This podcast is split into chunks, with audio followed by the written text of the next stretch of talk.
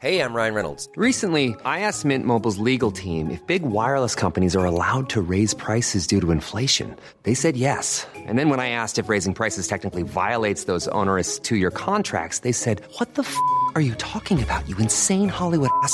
So to recap, we're cutting the price of Mint Unlimited from $30 a month to just $15 a month. Give it a try at mintmobile.com slash switch. $45 upfront for three months plus taxes and fees. Promo for new customers for limited time. Unlimited more than 40 gigabytes per month. Slows. Full terms at mintmobile.com.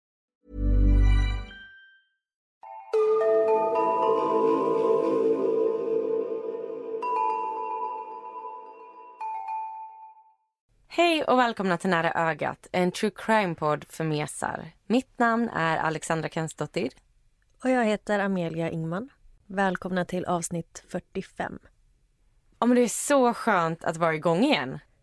Ja, det är det. Och jättekul att det var så många som lyssnade på förra veckans avsnitt. Och tack för all feedback.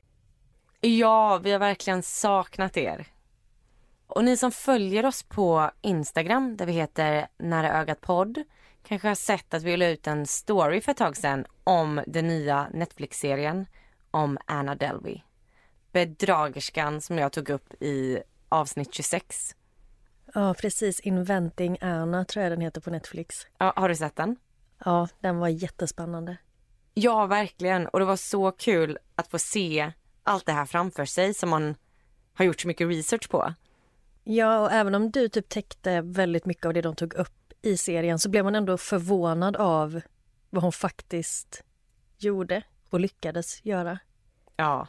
Och sen hela den här rättegången med, med alla hennes outfits och grejer.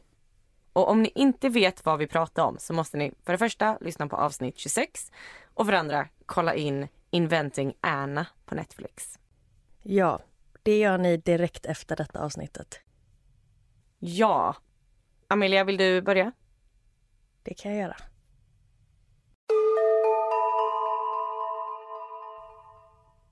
Idag ska jag berätta om Renzi Schroeder. Mina källor är ett Youtube-klipp av Brooke McKenna, News 24, NBC News och Weekend Argus. Dagens fall utspelar sig år 2005 i Sydafrika. 13 år gamla Renzi Schroeder bor tillsammans med sin familj i en stuga på en bondgård som ligger cirka 95 mil från Kapstaden. De odlar frukt och grönsaker som de sedan säljer och alla i familjen hjälps åt och arbetar tillsammans. Och de har en väldigt fin familjerelation.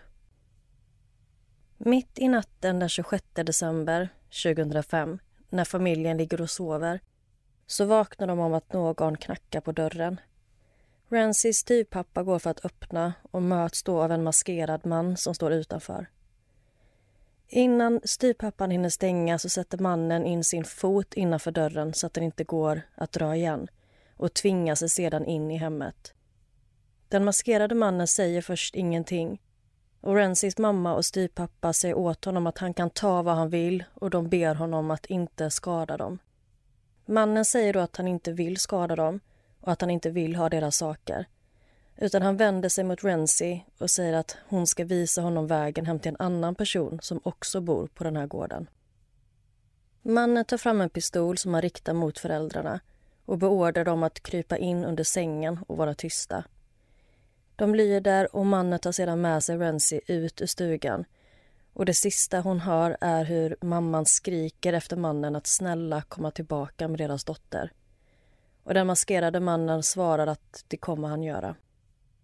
Så fort föräldrarna tycker att det är säkert att komma fram igen så kryper de fram under sängen och springer ut och kollar mot vägen. Och då ser de den maskerade mannen och Renzi försvinna bort i mörkret. Styrpappan börjar springa efter dem och han kommer nästan i kapp. Men då vänder sig den maskerade mannen om och säger att om han inte går tillbaka hem igen så kommer han att skada Renzi och då är det styrpappans fel. Så styrpappan vänder om och springer till det närmsta huset på gården och ber om att få låna en telefon så att han kan ringa efter polisen. När polis kommer till gården så har den maskerade mannen och Renzi varit borta en ganska lång stund. Sökinsatser dras igång och man tar hjälp av spårhundar, man söker med helikoptrar till fots och det var jättemånga i samhället som hjälpte till i letandet efter Renzi och den maskerade mannen. Men de kunde inte hitta dem någonstans. De hittar flera spår och ledtrådar men tyvärr är det ingenting som leder någon vart. Polisutredarna misstänker att gärningsmannen kan ha vuxit upp i området och därför har väldigt bra koll på bondgården och omgivningarna. Och runt gården så är det mycket skog, vattendrag och berg. Och gården som Renzis familj bor på ligger lite off och polisen tror att mannen visste om att han skulle hitta Renzi där. För sannolikheten att han slumpmässigt skulle hitta familjens stuga är inte stor. Det har även skett en hel del andra brott i området under den här tiden och polisen misstänker att det kan röra sig om samma gärningsman. Det har bland annat skett en hel del inbrott och flera hushåll har fått mat stulen. Polisen har inte lyckats gripa någon för de andra brotten och på grund av det här så har flera familjer valt att flytta från området. Några år innan bortförandet av Renzi så skedde flera sexuella övergrepp i området av en man som kallas för The Phantom. Och trots att flera tjejer och kvinnor har vågat berätta om det de utsatts för så greps aldrig någon för de här brotten heller. Och de sexuella övergreppen i området fortsatte även efter Renzi kidnappades och man misstänker att det är The Phantom som tagit Renzi. Bland The Phantoms offer så finns bland annat en 22 år gammal kvinna som var på semester tillsammans med sin familj i området när hon blev utsatt. Och hon vågade själv inte anmäla men hennes mamma valde att gå till polisen. Under övergreppet så hade 22-åringens mobil blivit stulen. Och under tiden efter anmälan kom in så ringde en man från hennes mobilnummer till polisen och hånade dem för att de inte lyckats gripa honom. Och han sa till polisen att han var på en fest i området men de lyckades ändå inte lokalisera och gripa honom. Och tyvärr så är sexuella övergrepp relativt vanligt här och polisen menar att många av den här typen av fall förblir olösta bland annat på grund av den mängd anmälningar som kommer in. Polis och åklagare menar att det är alldeles för många fall för dem att hinna utreda. Och efter en tid så blir även Rensis fall bortprioriterat. I början av 2007, över ett år efter bortförandet har polisen fortfarande inga spår efter varken Renzi eller gärningsmannen. Och de uppmanar folk i samhället att komma in med tips gällande The Phantoms andra brott i hopp om att det ska kunna leda till att de griper honom och därmed förhoppningsvis även leda dem till Renzi. Förlåt, hur gammal sa du att hon var? Hon är bara 13 år. Hon har varit borta ett år. Ja, så hon kidnappades i december 2005 och nu är det början på 2007. Usch vad hemskt. Polisen misstänker nu att The Phantoms brott har eskalerat från sexuella övergrepp till kidnappning och risken är stor att han kommer föra bort någon mer. De får in flera tips från allmänheten. Bland annat om en båt där The Phantom ska bo. Men när polisen kommer dit så är den tom. Men det verkar som att någon har hållit sig gömd där. Men tyvärr så finns det inga spår av Renzi på platsen. Polisen satte span på hamnen men det var precis som att någon hade tipsat mannen som hållit sig gömd på båten för att han kom aldrig tillbaka dit igen.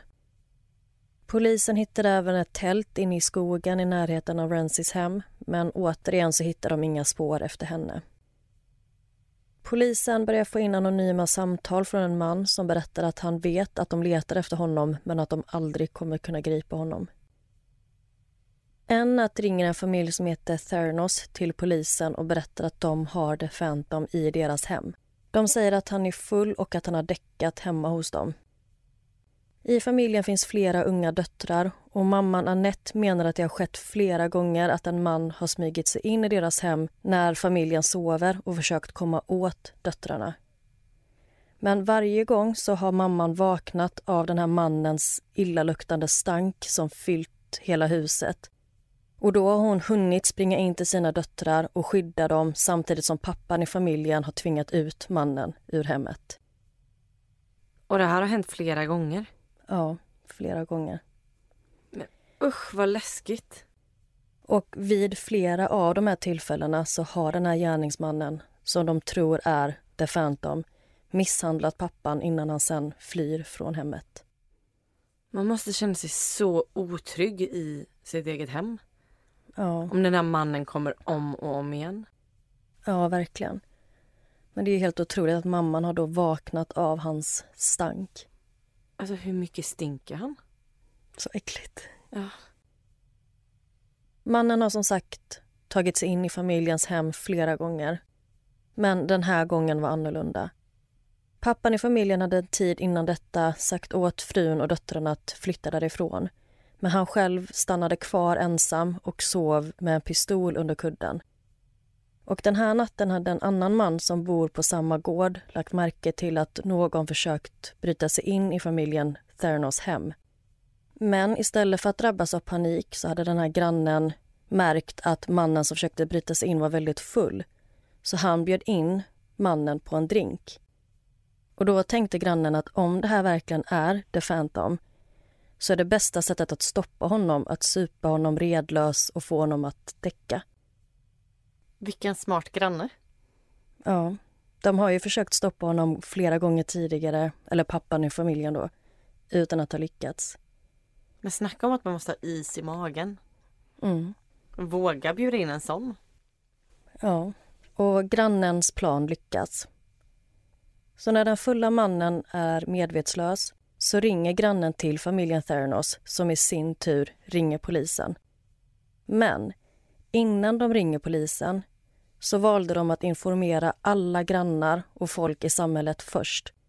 Och flera av invånarna i området kommer då hem till den här grannen och misshandlar den ökända förgriparen The Phantom. De fortsätter att slå honom ända tills polisen kommer till platsen och griper mannen. Och det är då The Phantom. Och det visar sig att The Phantom är en man som heter Johannes Mowers. Johannes är 33 år gammal och han har växt upp i olika fosterhem. Han beskrivs som intelligent och charmig men också som väldigt manipulativ. Enligt flera av hans offer så luktar han väldigt illa men han är samtidigt välrakad och ser inte ut som en person som helt struntar i sitt yttre. När han grips av polisen så är deras högsta prioritet att ta reda på ifall han ligger bakom bortförandet av Renzi. Det har nu gått 15 månader sedan hon kidnappades och Johannes matchar beskrivningen av mannen som tog sig in i Rensis hem den natten då hon försvann. Johannes var inte alls så kaxig och självsäker under förhören som han hade varit i alla de här telefonsamtalen till polisen. Och det dröjer inte länge innan han erkänner att det är han som har kidnappat Renzi. Han går med på att leda polisen till henne men polisen har ingen aning ifall hon fortfarande lever. På eftermiddagen, dagen efter gripandet, så leder Johannes polisen ut i skogen och pekar utredarna i rätt riktning. Men de kunde inte hitta något. Allt de såg var träd och buskage och det verkade som att Johannes kanske lett dem till platsen där han dödat och begravt Renzi. Men det slutar med att Johannes leder dem fram till ett järnlock i marken som är gömt under pinnar och löv. När polisen drar undan järnlocket så upptäcker de ett hål ner till en stor grop under marken. Gropen är cirka två gånger tre meter bred och det finns ett plasttak och väggar nere i gropen som hålls på plats med hjälp av träpålar och grenar. Det finns även en madrass och en liten kokvrå. Gropen är helt kolsvart och innan polisen börjar ta sig ner så ropar de efter Renzi men får inget svar. Så de ber Johannes ropa efter henne och då hör de viskningar nere från mörkret och förstår att det är två röster som de hör som pratar med varandra. Och kort därefter så ser de två flickor som försiktigt kryper fram nere i gropen. Den minsta flickan börjar gråta och de var båda väldigt svaga och rädda. De vågar först inte komma ut och det var märkbart jobbigt för dem med det starka solljuset. Men till sist så lyckas polisen få ut flickorna i gropen. Och det här hålet i marken var beläget precis intill gården där Renzi kidnappades. Men vadå, så hon har varit i närheten av sin familj hela tiden? Ja, hon har varit jättenära. Stackarn. Flickorna förs direkt till sjukhuset och där bekräftas det att den äldsta flickan är Renzi. Men man vet inte vem den lilla flickan är och ingen hade väntat sig att man skulle hitta två offer. Hon är ungefär fyra år gammal. Men det finns ingen i den här åldern som är anmäld försvunnen. Men genom viskningar från Renzi så fick man fram att den andra flickan är Johannes dotter. Polisutredarna lyckas inte få fram vem mamman till flickan är eller hur hon hamnat i den här fruktansvärda situationen. Socialtjänsten tar hand om de båda flickorna och man lät dem vara tillsammans. För det verkar som att de har utvecklat en form av mor och dotterrelation. Så man vill inte separera på dem. Ingen av dem pratade högre än viskningar. Och Renzi ger utredarna lite information åt gången, men inte mycket. Hon säger bland annat att de är väldigt rädda för Johannes och att han har förbjudit dem att prata. De får bara viska, för annars kunde någon höra dem. Och Johannes har sagt till Renzi att han är en soldat på hemligt uppdrag. Och Renzi berättar att det enda som hon har varit säker på det är att om hon inte gjorde som han beordrade så skulle han skada henne. Under en presskonferens kom det fram att anledningen till att Johannes lyckats hålla sig undan från polisen så pass länge under alla år som han har härjat runt som The Phantom är för att han bodde i skogen och uppe i bergen. Och Han kände väl till området och kunde därför hålla sig gömd. Renzi är nu 15 år gammal och har spenderat nästan ett och ett halvt år i fångenskap. Och hennes mamma sa en kort tid efter hon återfanns att risken är stor att Renzi aldrig kommer återhämta sig helt efter detta trauma. Johannes Mowers åtalas för inbrott, kidnappning och sexuella övergrepp. Men utredarna letar även efter en kvinna vid namn Katrina Davis som de tror kan hjälpa dem kartlägga vilka andra brott som Johannes utfört och de misstänker även att hon kan vara mamma till den fyraåriga flickan. Polisen ber allmänheten om hjälp med att lokalisera Katrina men ingen kan säga var hon befinner sig. En man som heter Wildrow Davids kontaktar polisen och berättar att han och Johannes varit bästa vänner sedan high school och att de har vuxit upp tillsammans. Och när Waldrow gifte sig med sin fru Katrina så hade han haft Johannes vid sin sida och hela hans familj hade älskat Johannes. Men efter att Johannes styvmamma gått bort så menar Wildrow att Johannes förändrades och han blev allt mer osocial och inåtvänd. Och sen, helt utan förvarning, så rymde Wildrows frus Katarina iväg tillsammans med Johannes. Han letade efter dem i flera år utan framgång. Och Han kände sig så dum för att han var medveten om att Katrina och Johannes brukade umgås och att hon ofta brukade gå hem till honom och ta ett glas. Men han trodde att de bara var vänner. Och efter flera års letande så lyckas han till sist komma i kontakt med Katrina. Och det visar sig att hon och Johannes gift sig och fått ett barn tillsammans. Och efter det så har Wildrow aldrig försökt kontakta dem igen. Men han berättar nu för polisen att han tror att flickan som de hittat i skogen är Katrina och Johannes dotter. Och tyvärr så lyckades polisen aldrig lokalisera Katrina. Johannes döms till livstidsfängelse med möjlighet till villkorlig frigivning efter 25 år. Och han visade inga känslor alls under rättegången. Renzi Schroeder var inte ensam målsägare utan flera av de flickor och kvinnor som har förgripit sig på sexuellt var även med ett av offrens mamma berättar efter rättegången att det kändes som att allt bara var ett spel för Johannes. Han visade ingen som helst ånger för vad han hade gjort överhuvudtaget. Tiden efter rättegången ville Renzi inte prata offentligt om fallet och vad Johannes utsatt henne för. Men hon sa att hon minns allt och att varje gång hon berättar om det så känns det som att hon är tillbaka nere i gropen igen. Men sex år efter att Renzi räddades så räddades tre andra flickor ur en liknande situation på andra sidan världen. Nämligen Michelle Knight, Amanda Berry och Georgina de Jesus som kidnappades av Ariel Castro och hölls inlåsta i ungefär tio år. När Renzi såg de här tjejerna dela med sig av sina berättelser och vad de tvingats genomlida så gav det henne mod och styrka att våga prata om sitt eget trauma och dela med sig av sin historia till andra. Renzi berättar bland annat att under natten hon kidnappades när Johannes ledde henne bort från hemmet så hade han tagit av sig masken han haft för ansiktet och placerat den över hennes huvud. Så hon kunde inte se något alls och visste inte vart han tog henne. Men hon kände att de klev över grenar i skogen, genom vatten och hon minns även att de klättrade över staket. Sen efter en lång stund så stannade de och då tog han av masken. Och när Renzi såg sig omkring så såg hon bara skog. Hon var helt disorienterad och förstod inte hur nära hemmet hon var. Johannes visade henne hålet i marken och hon frågade om han bor där och han svarade ja. Sen sa han åt henne att klättra ner och när Renzi kom ner i hålet så märkte hon att de inte var ensamma.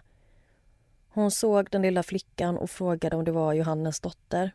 Han svarade ja och sa att han älskar sin dotter väldigt mycket och att mamman jobbar på en fiskfabrik och att dottern brukar vara ensam i gropen.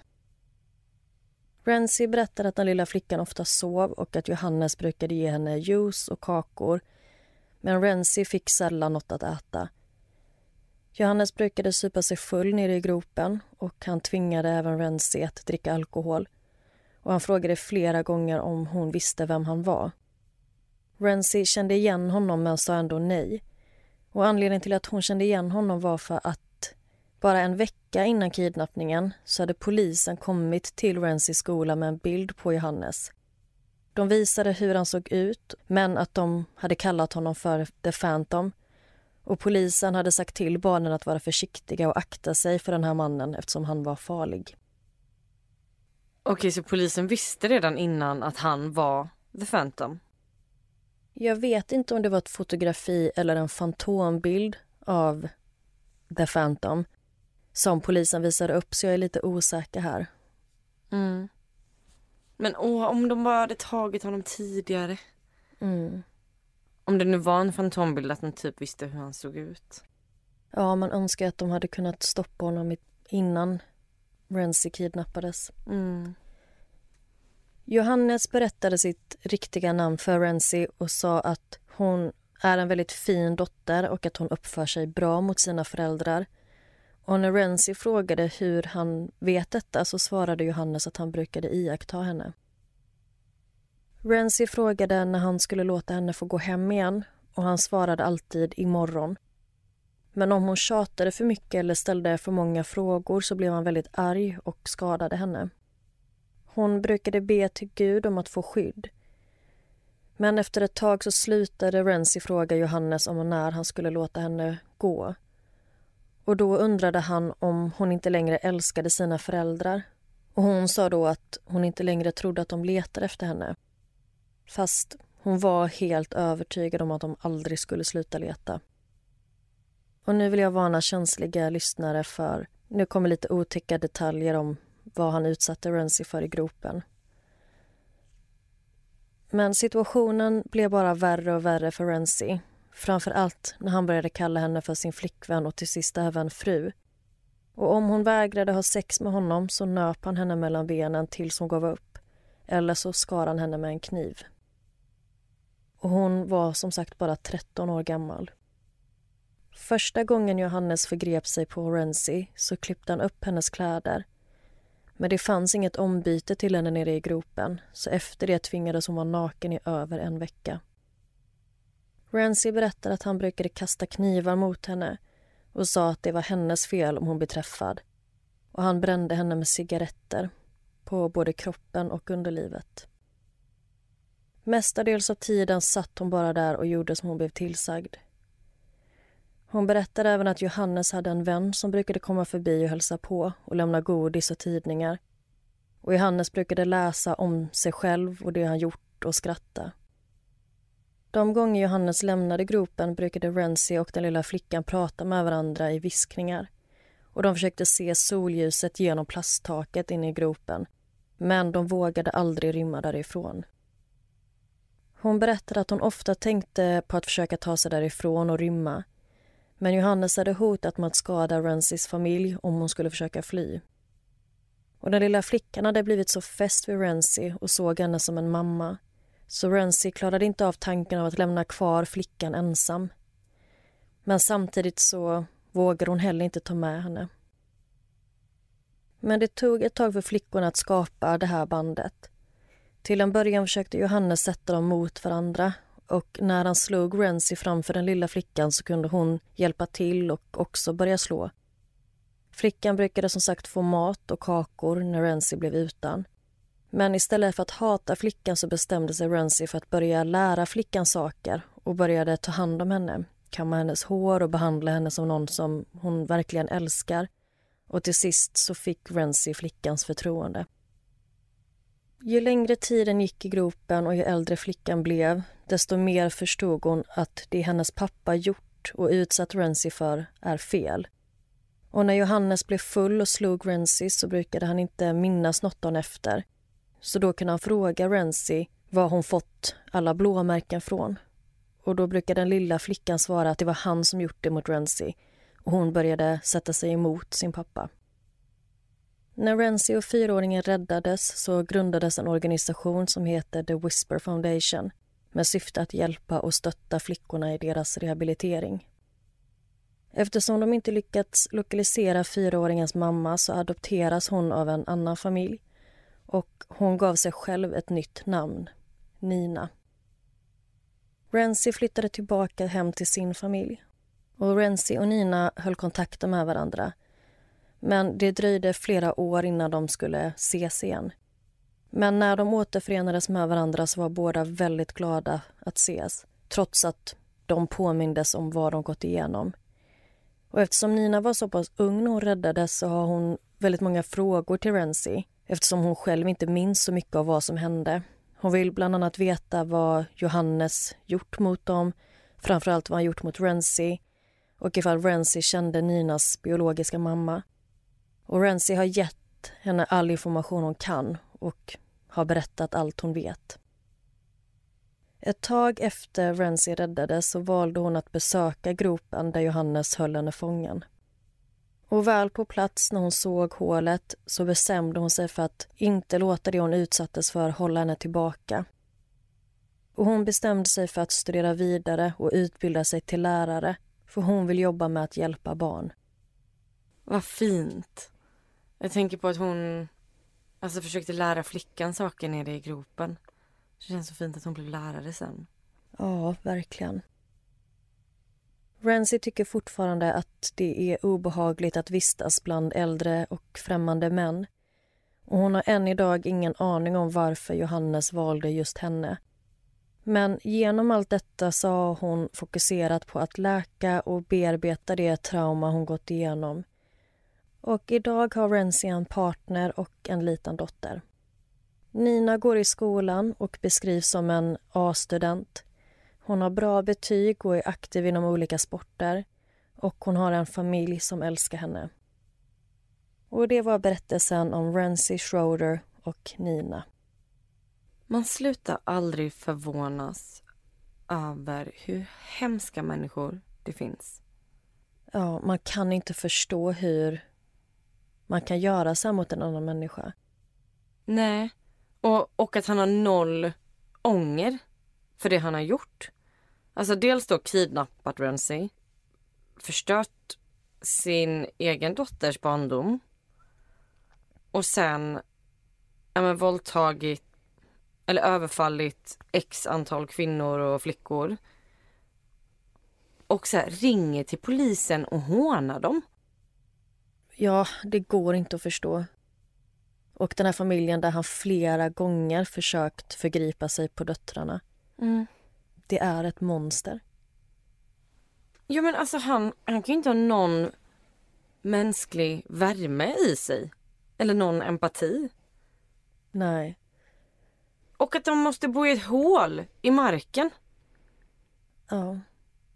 Och det verkar som att det är hans hem. Det är inte det att han bara håller dem där utan det är så han lever.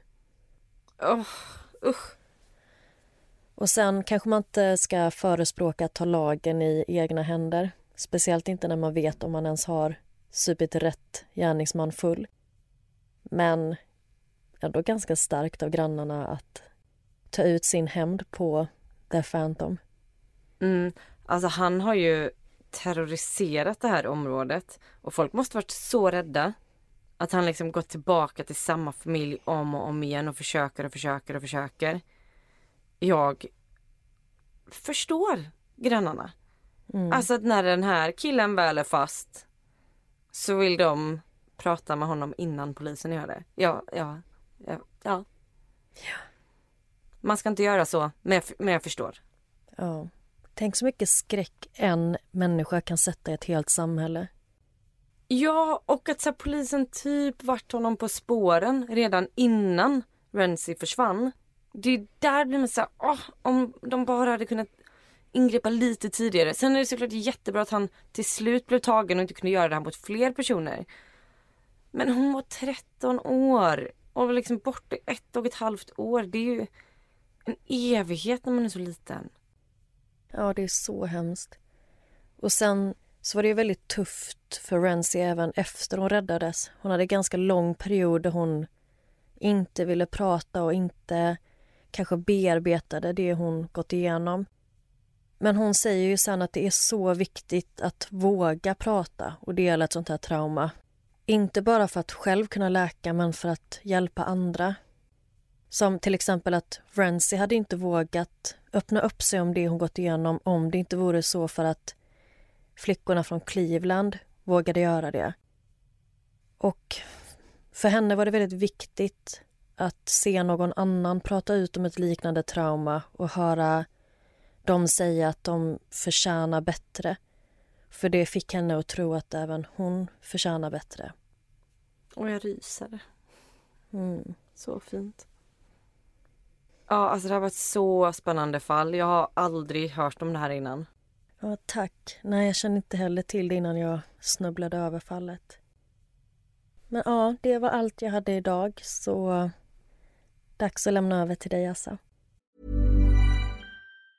If you thought the only way to get a more defined jawline with natural looking results was through surgery, think again. Juvederm Volux XC is a non surgical injectable gel filler that improves moderate to severe loss of jawline definition and can help you achieve natural looking results with little downtime. Even better, this improved definition lasts up to one year with optimal treatment. No maintenance required. Improve jawline definition for a smooth, sculpted look with Juvederm Volux XC. For important safety information and to find a licensed specialist, visit juvederm.com. That's J U V E D E R M.com. Not for people with severe allergic reactions, allergies to lidocaine, or the proteins used in Juvederm. Common side effects include injection site redness, swelling, pain, tenderness, firmness, lumps, bumps, bruising, discoloration, or itching. There's a risk of unintentional injection into a blood vessel, which can cause vision abnormalities, blindness, stroke, temporary scabs, or scarring. Talk to a licensed specialist to find out if it's right for you.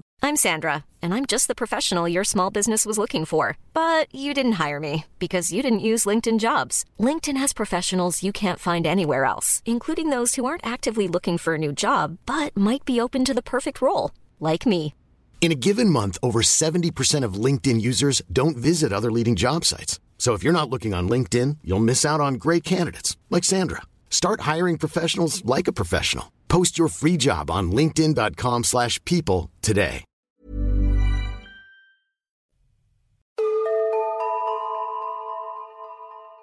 Idag ska jag berätta om bröderna Maurova.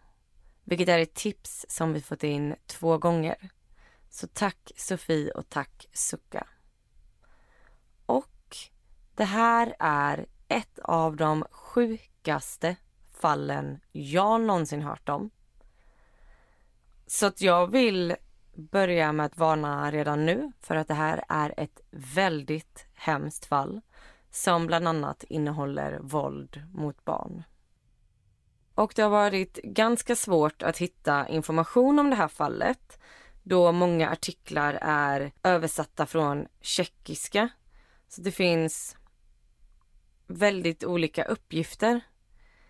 Men jag kommer berätta när det finns olika uppgifter från olika källor. Och mina källor idag är Youtube-avsnitt från Bella Fioris, Brooke McKenna och Cheryl Dale. Samt artiklar från Daily Mail, Irish Times, CBS News, CVLT Nation, Steamit, Today in 24 och Wikipedia. Gumman har gjort research. Jag har försökt göra research men jag tror att många artiklar kanske har samma källa som någon har översatt från tjeckiska så att ibland känns det som att de har tolkat det lite olika och sådär. Men ja, vi, vi kör. I maj 2007 så har en man som heter Edward precis fått barn. Han bor i den lilla byn Bruno i närheten av Kurim i Tjeckien. Edward har införskaffat en babymonitor med videofunktion. Så han sätter upp en kamera i sin nyfödde sons rum. Och då kan han se på en mottagare vad som händer i rummet när han inte är där. Och till en början så fungerar allting väldigt bra. Men 7 maj 2007 så händer något konstigt. Han ser inte sitt eget barn på monitorn utan den fångar upp någon annans frekvens. Och det är ganska vanligt att en babymonitor får upp en annan babymonitors frekvens. Och då vet man att det är någon i närheten som har samma frekvens helt enkelt. Men det han ser den här dagen får honom att reagera. För på sin monitor så ser han en ung pojke som ligger naken på ett betonggolv. Och han har händerna bundna bakom ryggen. Och ibland så ser han hur en hand sticker in i bild och matar honom. Och han förstår ju att det här är någonting som händer i närheten. Det här måste vara hemma hos en granne till honom. Så han ringer polisen. Oj, vad sjukt. Så här kort in och det låter redan som en skräckfilm. Det finns en skräckfilm som är som vissa menar är lite löst baserat på det jag ska berätta om idag och jag kommer berätta vilken film det är i slutet. Polisen börjar nu leta efter pojken och börjar knacka på hos grannarna. De går från hus till hus, men de hittar inte pojken. Till slut så knackar de på ett litet gult hus där 31-åriga ensamstående mamman Klara Maureva bor tillsammans med sina tre barn. 13-åriga adoptivdottern Annika samt sina två biologiska söner, nioåriga Jakob och åttaåriga Andrej. I huset bor även Klaras syster Katarina som är 33 år. Systrarna är väldigt öppna och släpper in polisen Miroslav Gregor i huset. Och de samarbetar ända tills Miroslav vill öppna en låst dörr som leder in till ett litet skafferi. Klara och Katarina vägrar nu låsa upp dörren. Miroslav får en väldigt dålig magkänsla och skickar efter brandkåren som kommer för att hjälpa dem bryta upp dörren. Och innanför dörren finns ett litet trångt rum med betonggolv. Och där sitter åttaårige Andrei på golvet med händerna bundna bakom ryggen. Golvet är täckt med smuts och avföring. Andrei är väldigt uttorkad och har flera skador på kroppen. Usch, vad hemskt. Fruktansvärt. Klara och Katarina häktas direkt och barnen, 13-åriga adoptivdottern Annika, 9-åriga Jakob och 8-åriga Ondrej tas direkt till sjukhus där de blir omhändertagna. Och när de blivit ordentligt undersökta så börjar polisen prata med dem. De måste förhöra dem för att förstå vad det är som har hänt i det här huset. Annika berättar för polisen att hon aldrig behandlats dåligt av varken Klara eller Katarina. Men pojkarnas historia är verkligen något helt annat. Pojkarna förhörs i varsitt rum men deras historier är lika så att de är väldigt trovärdiga. Polisen förhör också Klara och Katarina och börjar nu sakta pussla ihop vad det är som kan ha hänt. Klara hade en universitetsutbildning i pedagogik och det var just under hennes universitetstid som hon träffade pojkarnas pappa. Han var lite äldre än henne och de fick ganska snabbt två barn. Men han fanns inte med i bilden särskilt länge. Utan Klara uppfostrade pojkarna som ensamstående mamma. Jakob och Ondrej hade en ganska normal uppväxt. De tillbringade somrarna på sommarkollo, de gick i skola, de lärde sig språk, de hade stora födelsedagskalas och de trivdes väldigt bra tillsammans med sin mamma. Klaras syster Katarina arbetade på ett slags ungdomshem där hon tog hand om tonåringar som hade det svårt. 2005, det vill säga två år innan polisen kom till huset den dagen, när Jakob var sju och Andrei var sex år gamla, så introducerade Katarina Klara för 11-åriga Annika som Katarina hade träffat på det här ungdomshemmet som hon jobbar på. Och Annika har haft en otroligt svår uppväxt. Hon är ursprungligen från Norge men där hade hon under sin uppväxt blivit både misshandlad och råkat ut för diverse övergrepp. Och det ledde till slut till att hon hade hamnat i en trafficking-ring där hon under väldigt lång tid blivit sexuellt utnyttjad. Hon lyckades rymma och ta sig till Tjeckien och det var då hon hamnade på det här ungdomshemmet som Katarina jobbade på. Och förutom allt detta så har Annika flera allvarliga diagnoser som leukemi och njursvikt samt väldigt nedsatt syn och hörsel. Och allt verkar bara bli sämre för henne. Men vad hemskt. Man kan knappt greppa allt hon har råkat ut för. Fruktansvärt. Ja, det känns ju så orättvist att vissa behöver gå igenom sånt där. Men Klara kände otroligt mycket för Annika och valde att ta in henne i sitt hem. Hon ville att Annika skulle känna sig trygg och få uppleva kärlek. Så Annika flyttade in till Klara och pojkarna. Och till en början var allt ganska bra. Men Annika behövde väldigt mycket läkarvård och den delen skötte Katarina. Så Katarina var den som skjutsade Annika till läkaren flera gånger i veckan. Och Klara träffade endast Annikas läkare en gång. Och det var i en bil sent på kvällen och där hade läkaren ja, men dels visat sin legitimation och berättat mycket om Annikas symptom och vad hon behövde för behandling för Klara. Och efter det så hade läkaren främst kontakt med Klara via sms eller e-mail. Och i de här smsen eller e-mailen så kunde han skriva hur Klara skulle underlätta för Annika i hennes sjukdom eller i de här behandlingarna hon gjorde. Och, och vissa meddelanden hon fick av den här läkaren var lite underliga. Exempelvis så ville läkaren att Klara skulle massera hela Annikas kropp. Speciellt hennes skrev. Då det var skönt för Annika och hjälpte henne i eh, hennes smärthantering. Ursäkta, va? Mm. Vad är detta för läkare? Nej, det är en jättekonstig behandling. Men man hoppas att Klara fattar att det är något som inte riktigt står rätt till här. Jag vet faktiskt inte om hon gjorde det eller inte. Men jag vet att hon blev liksom, fick order om att göra det. Jag tror att hon gjorde det. Och under den här tiden så prioriterade Klara Annika väldigt mycket.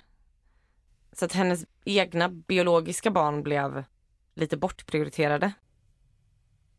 Och det slutar med att de får bo ganska mycket hemma hos Klaras föräldrar istället. För att Klara måste ha tid att ta hand om Annika. Och nu vill Klara också adoptera Annika på riktigt och påbörjar då en process för att göra det. Och hon har hela tiden kontakt med läkaren som ska hjälpa Klara att adoptera Annika. Men läkaren säger då att Klara inte får adoptera Annika på grund av att Annika har berättat för läkaren att hon inte behandlas bra hemma av Klaras söner, att de är elaka mot henne. Och då säger läkaren att det enda sättet för att den här adoptionen ska gå igenom är om pojkarna blir straffade. Att Klara måste börja använda tough love på dem och fysiskt bestraffa dem. Så Klara börjar bestraffa sina söner. Hon slår dem och hon bränner dem med cigaretter och ibland låser hon också in dem. Hon gör allt för att Annika ska må så bra som möjligt och rapporterar då vad hon gör till den här läkaren. Och han menar att detta inte räcker. Utan att pojkarna bland annat måste få elchocksbehandling. Och han föreslår då att de ska tas till en stuga utanför Kurim där de ska utföra dessa behandlingar. Och det jag berättat nu, det är alltså under alltså flera månaders tid eh, som detta pågår. Så det är inte så ett sms utan det är ju något som pågår under en längre period. Det låter ju nästan påhittat. Alltså har detta hänt? Mm, det här har hänt. Men vad är detta för hemsk människa? Jag menar allt som Annika redan har gått igenom och så hamnar hon hos den här vidriga läkaren. Och stackars pojkar. Så jag, jag förstår inte. Nej, jag förstår att du inte förstår och innan man kommer börja förstå så kommer det bli ännu konstigare. Okej, okay, så Klara, hennes syster Katarina plus tre andra personer. Jan Skarla, Jan Turek och Hanna Bosova tar med barnen, det vill säga Annika, Jakob och Andrei, till en stuga i skogen. Och vilka de här tre Jan, Jan och Hanna är kommer jag gå in på senare. Men nu vill jag varna för riktigt hemska detaljer mot barn. Så är du känslig, spola fram några minuter för det här är fruktansvärt. Det som sker i den här stugan är tortyr. De här fem vuxna människorna låser in pojkarna i hundburar. De får sitta där i liksom sin egen avföring. De får inte prata med någon och absolut inte med varandra. De här vuxna människorna slår dem. De piskar dem med bälten. De trycker ner deras huvuden i hinkar med vatten tills pojkarna tror att de ska drunkna. De ger dem elchocker. De utför sexuella övergrepp. De skär av små delar av alltså kött från pojkarna och äter det. Och enligt vissa källor så tvingar de också pojkarna att äta det. De är i den här stugan i åtta dagar. Och under de här dagarna så tror pojkarna att Annika också blir torterad, men det blir hon inte. De vuxna låtsas bara att skada henne för att pojkarna sen inte ska vända sig mot henne och behandla henne dåligt. Hur kan man göra så här mot två barn? Vad är detta för vidrig mamma de har? Det är helt oförståeligt. Alltså hur kan man göra detta överhuvudtaget? Men det här är så vidrigt. Mm. Fem vuxna människor Mm. är med på detta. Mm. För vad? Att Annika inte ska känna sig utanför? Jag fattar inte. Nej, alltså det är helt, helt, helt oförståeligt och jag är inte säker på att man kommer få ett jättebra svar på varför man gör det här. Men det händer mer saker framöver nu i historien som kommer klara upp saker. Och när de kommer tillbaka från den här stugan så får Klara äntligen go på att adoptera Annika. Och Katarina, systern, flyttar nu hem till Klara och barnen för att hjälpa till då att ta hand om pojkarna. För nu när Annika är adopterad har Klara fullt upp med att ta hand om henne. Och Katarina behandlar ju såklart inte pojkarna särskilt bra utan de blir ju inlåsta till och från i skafferiet och fortsätter ju att bli bestraffade. Och det var ungefär här som grannen 2007 ser Andrej på sin babymonitor. Och under polisutredningen efter polisen omhändertagit barnen och Klara och Katarina är häktade så rymmer Annika. Hon är borta i fyra månader innan polisen kan lokalisera henne. Då är hon i Norge. Och nu ska jag försöka förklara vem Annika egentligen är. För Annika heter inte Annika. Annika heter Barbara Skrolova. Och hon är inte 13 år. Hon är 33 år gammal. Va? Barbara lider av något som jag inte kan uttala, men jag tror att det heter hypopituarism. Eller något sånt. Och det innebär en hormonförändring som gör att man inte växer ordentligt. Vilket gör att Barbara ser väldigt ung ut trots sin ålder. Hon är fast i en barnkropp helt enkelt. Och Barbara är inte heller norsk. Och hela historien om det här trafficking var påhittad. Barbara har aldrig ens haft sex eller blivit utsatt för sexuella övergrepp. Och Barbara har en lång historia av psykisk sjukdom som bland annat schizofreni. Och hon har spenderat långa perioder på olika sjukhus och institutioner. Vad tänker du, Amelia? Som jag sagt flera gånger innan, jag fattar ingenting. Mm. Vad... Hur hamnade hon i Tjeckien? Är hon från Tjeckien? Jag tror att hon är från Tjeckien. Vad var hennes motiv till detta då? Och det här med läkaren, fanns det en läkare? Nej. Polisen kollar upp telefonnumret och e-mailadressen till läkaren som Klara hade haft kontakt med. Och numret och IP-adressen visade sig tillhöra både Annika, eller Barbara, men även Katarina, systern. Så förmodligen så var det Barbara och Katarina som hade skrivit till Klara och beordrat henne att göra dels de här konstiga massagebehandlingarna på Annika inom citationstecken och även då de här hemskheterna mot sina pojkar. För att förvirra ännu mer. När Annika, eller Barbara som hon heter, hittades i Norge så hade hon tagit på sig en annan identitet. Hon var då tioåriga pojken Adam. Hon hade rakat av sig allt hår, hon hade bundit sina bröst för att se ut som en pojke och hon hade börjat gå i skola. Men där berättade då Adam, inom citationstecken, att han hade sålts till pedofiler av sin pappa. Och skolan ringde ju såklart polisen, vilket gjorde att Adam omhändertogs och under en promenad sen så hade han rymt.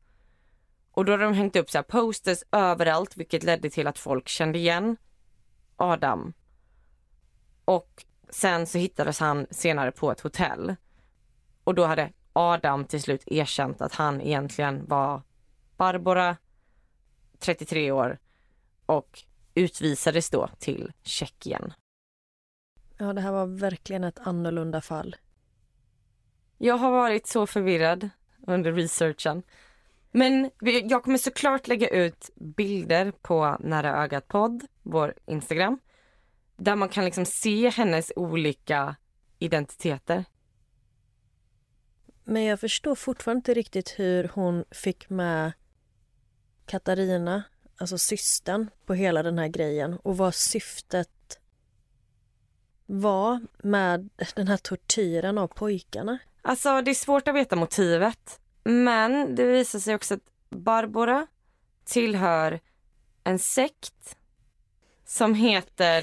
The... Förlåt, det tar ju aldrig slut det här. jag vet! Det bara eskalerar. Alltså det är så sjukt. Ja, nej, det är klart vi får in en sekt här på slutet också. Ja, ja. In med det med. Barbara tillhör en sekt som heter The Grail Movement eller Gralrörelsen som det heter på svenska. Och hennes pappa, Josef Skrolova, verkar vara någon slags ledare när det kommer till just den här grenen av den här sekten som Barbara tillhör. Och det har varit ganska svårt att hitta information om den här sekten, men den grundades i Tyskland på 40-talet som en nyreligiös rörelse. Och den bygger på Oscar Ernst Bernhards skrift Light of Truth, The Grail Message, som har blivit som en slags bibel för dem helt enkelt. Och själva grundtanken i religionen är att världen styrs av karma.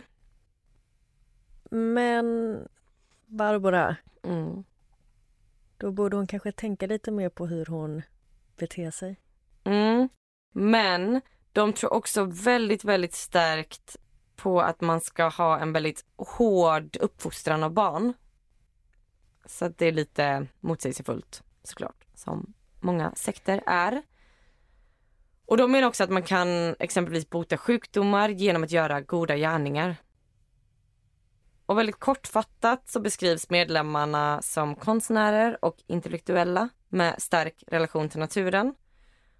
Och idag har sekten mellan 10 och 20 000 medlemmar. Men alla inte lika extrema som den här grenen av den här sekten. Men Josef, skulle jag lova då, var en ledare i en gren av den sekten där man trodde väldigt, väldigt starkt på bestraffning av barn. Så det verkar som att Barbara eh, fick över systrarna till den här gralrörelsen. Och vissa menar att Katarina redan var medlem där tidigare och att det kanske var därför hon ville då straffa pojkarna. Och de här tre personerna som jag pratade om innan som var med i stugan förutom Klara och Katarina. Jan Skarla, Jan Turek och Hanna Bossova. Alla de var med i gralrörelsen. Och Jan Skarla är alltså Barboras bror. Vidrigt. Det handlar inte om hård uppfostran utan det här var, som du sa innan, tortyr. Mm. Och det jag inte riktigt kunde hitta det är så här, hur mycket visste Klara? Hur involverad var hon i kanske sekten? Eller var hon helt förd bakom ljuset? Men hon gjorde ju fortfarande det här mot sina barn. Ja, det är väldigt svårt att hitta hur mycket hon förstod. Spelar ingen roll. Alltså det här Mm. det är oförlåtligt. Ja, 100 procent. Och Barbara själv menar att hon blev hjärntvättad av systrarna och att de stängde in henne och gav henne mediciner. Nu säger hon att de också misshandlade henne och torterade henne och att deras motiv var att de ville sälja Barbara till olika slämmiga män. Och hon menar också att hon blev tvingad till att hjälpa till i tortyren mot pojkarna för att själv överleva. Och hon uppger för en tidning att systrarna hade grävt en grav och att de knuffade ner henne i den och sa att Barbara är död och att de sen hade börjat fylla den. Så att hon menar att de skapade Annika. Att de visste att hon var Barbara men att de sen skapade identiteten Annika till henne för att de skulle sälja henne. Hon verkar vara väldigt besatt av det här med trafficking och sälja hit och dit. Men det är som att hon hela tiden vill vara ett offer. Alltså inte nog med att hon då drog historien om att hon har varit med om trafficking och sexuella övergrepp. Alltså i båda sina olika identiteter, både som Adam och också som Annika. Men utöver det så, ja men då sa hon också att hon hade leukemi och hon hade njursvikt och det var ju att hon hade nedsatt syn och nedsatt hörsel. Hon vill liksom bara vara ett offer. Och allt detta har hon gjort för karman. Ja, jag fattar. Jag kan inte säga en gång till att jag inte fattar, men det här är så sjukt. Alltså jag har slitit mitt hår när jag har gjort research. Alltså jag har bara suttit och bara, men vad, vad, vad? Alltså bara så här, skriker högre och högre. Jag bara, det här kan inte, alltså det är så sjukt. Men det hemska är att de här två små pojkarna är de som far illa av detta. Mm. Om de är vuxna och de vill gå med i en sekt, gör det då. Mm. Men det är ju så hemskt vad Jakob och Ondrej utsattes för. Mm. Tack och lov för den där babymonitorn. Mm. Ja. Ja, vad hade hänt med dem om inte den här frekvensen hade flippat bilden? Mm. Okej, så vad hände då med alla? Klara fick nio års fängelse. Katarina fick tio års fängelse. Jan, Barbaras bror, fick sju års fängelse. Den andra Jan fick fem år. Hanna fick sju år. Och Barbara fick fem års fängelse. Lågt straff på både Barbara och Klara. Mm. Och Barbaras pappa Josef flydde när allt detta uppdagades och jag kan inte hitta något om vart han tog vägen sen. Jag kan inte heller hitta så mycket om vad pojkarna gör idag och hur de mår och sådär. Men enligt en av mina källor som var en Youtube-video av Bella Fiori så har Andre skrivit följande på Facebook. If you get hurt by someone who took the benefit from you with high hopes, learn to respect him and take him as the biggest teacher of yours. Because if your life is going smoothly, you become a delicate person. If, on the other hand, experience tragic circumstances, you develop inner power and courage to face them. Och det var berättelsen om bröderna Mauerova. Det här är nog ett av de sjukaste fallen jag har hört. Jag önskar att jag kunde tjeckiska så jag hade kunnat läsa originalrapporteringen om detta. För det kändes lite som att de kanske översatte lite konstigt till vissa källor. Men det var också därför jag tog så många källor för jag kände att jag var tvungen att försöka bekräfta de grejer som jag hittade helt enkelt. Eh, men det var väldigt svårt att pussla ihop det här. Ja, och det här fallet har ju så många olika lager. Men det är ju så hemskt vad de här pojkarna utsattes för. Mm. Men det är ändå fint att han skrev det att det man utsätts för gör en starkare. Mm. Och att man ändå kan växa genom trauma. Mm. Filmen som jag pratade om i början, eh, det var The Orphan. Skräckfilmen. Mhm. Som vissa menar att det är svagt byggt på den här historien. Men då främst på, Annika. precis, pojkarnas liv eller... Nej precis, utan att Annika låtsades vara en liten flicka. Eller Barbara menar jag, låtsades vara Annika. Mm. Och något som är väldigt trist är ju att alla personerna är ute ur fängelse idag. Och Barbara släpptes efter bara ungefär två och ett halvt år. Hon blev dömd till fem år eller? Mm. Ja, det är ju ingenting alls. Ja, jag vet knappt vad jag ska säga. Det var så mycket att ta in och det var ju så overkligt. Och nu vill jag bara se bilder på Barbara. Mm. Det kommer hamna på våran Facebook och Instagram där vi heter Nära ögat podd. Mm. Och det var allt för den här veckan. Ja, tack för ett spännande fall och tack så mycket till er som tipsade. Tusen tack för tipset. Det var som sagt, det här var nog det sjukaste fallet jag har hört om. Ja, det var verkligen spännande. Men vi hörs igen nästa vecka. Det gör vi. Ha det fint! Hej då!